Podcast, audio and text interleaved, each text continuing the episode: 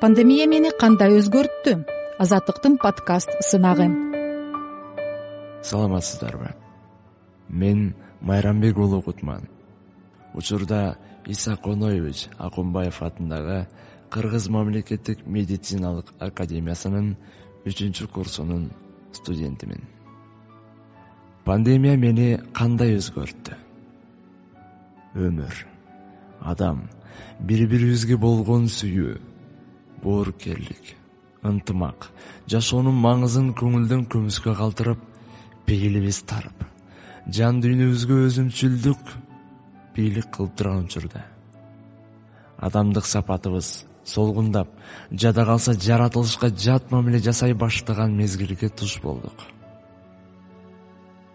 Мына ушундай учурда жараткан адамзаттын канчалык алсыз экенин көзгө көрүнбөгөн илдет айгинелеп койду бул апаатка каршы күрөшүүгө мен дагы өзүмдүн курсташтарым бир окуу жайда окуган студенттер менен кошо кызыл зонада иштегенге бел байладым. Бул чечимди мен дароо эле кабыл алдым.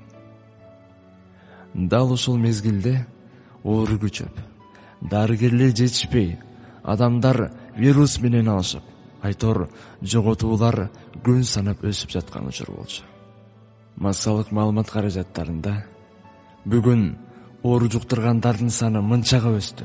Каза болгондордун саны кырктан алтымыштан жүздөн ашты деген өңдүү үрөй учурган жаңылыктар эле. Ошол кезде элибизге эмгеги сиңген далай эр азаматтарыбыз дүйнө салышты. Ден соолук сакчылары вирус менен алышып жатышып ажал табышты капыстан социалдык баракчамдан өзүм теңдүү кммнын студенттерине көзүм түштү. Алардын өз өмүрүнө коркунуч туудурганына карабастан жардам берип жатканын көрүп аябай таасир алдым. Жүрөгүмдө элим жерим деген сезим пайда болду ойлонуп мен да эки жыл болсо да эже ага үйрөткөн билимди колдонуп өмүр сакчыларына көмөк көрсөтүүнү чечтим. Студенттердин көптүгүнөн улам экинчи потокто аларды алмаштыра турган болдум кызыл зонадагы биринчи күн. Өзү коргонуучу каражаттарды кийип бөлүмдөрүбүзгө кирдик мен үчүнчү бөлүмдө элем. Биринчи кирген күнү улгайган ата дартка туруштук бере албай өлүмгө моюн сунду нес болуп калдык? Алгачкы күн кыйын эле болду. Тердейбиз суусайбыз. Анан бир аз коркуубуз да бар. Алгачкы алты саатыбыз ал жакта алты күндөй узак болду. Өлүм менен тиктешип жаткандарды көрдүк балам мен айыып кетеме. Балдарымдын үйлөнгөнүн көрөм э деп. Кыздарым жаш эле окуусу бар эле деген ооруларды көргөндө жүрөк эзилет балам рахмат. Силер ак скафандр кийген периштесиңер силерди тарбиялап жаткан ата энелерге рахмат. Дегендерди угуп жүрөгүм толкуду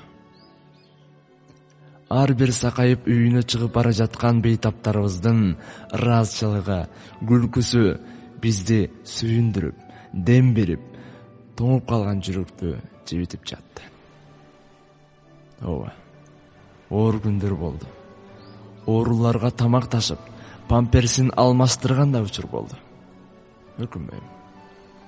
Тескерисинче канчалаган адамдын батасын ыраазычылыгын алдым элибиздин бата берүү жөрөлгөсүнүн касиетин биле алдым. Бул пандемия эмнеге үйрөттү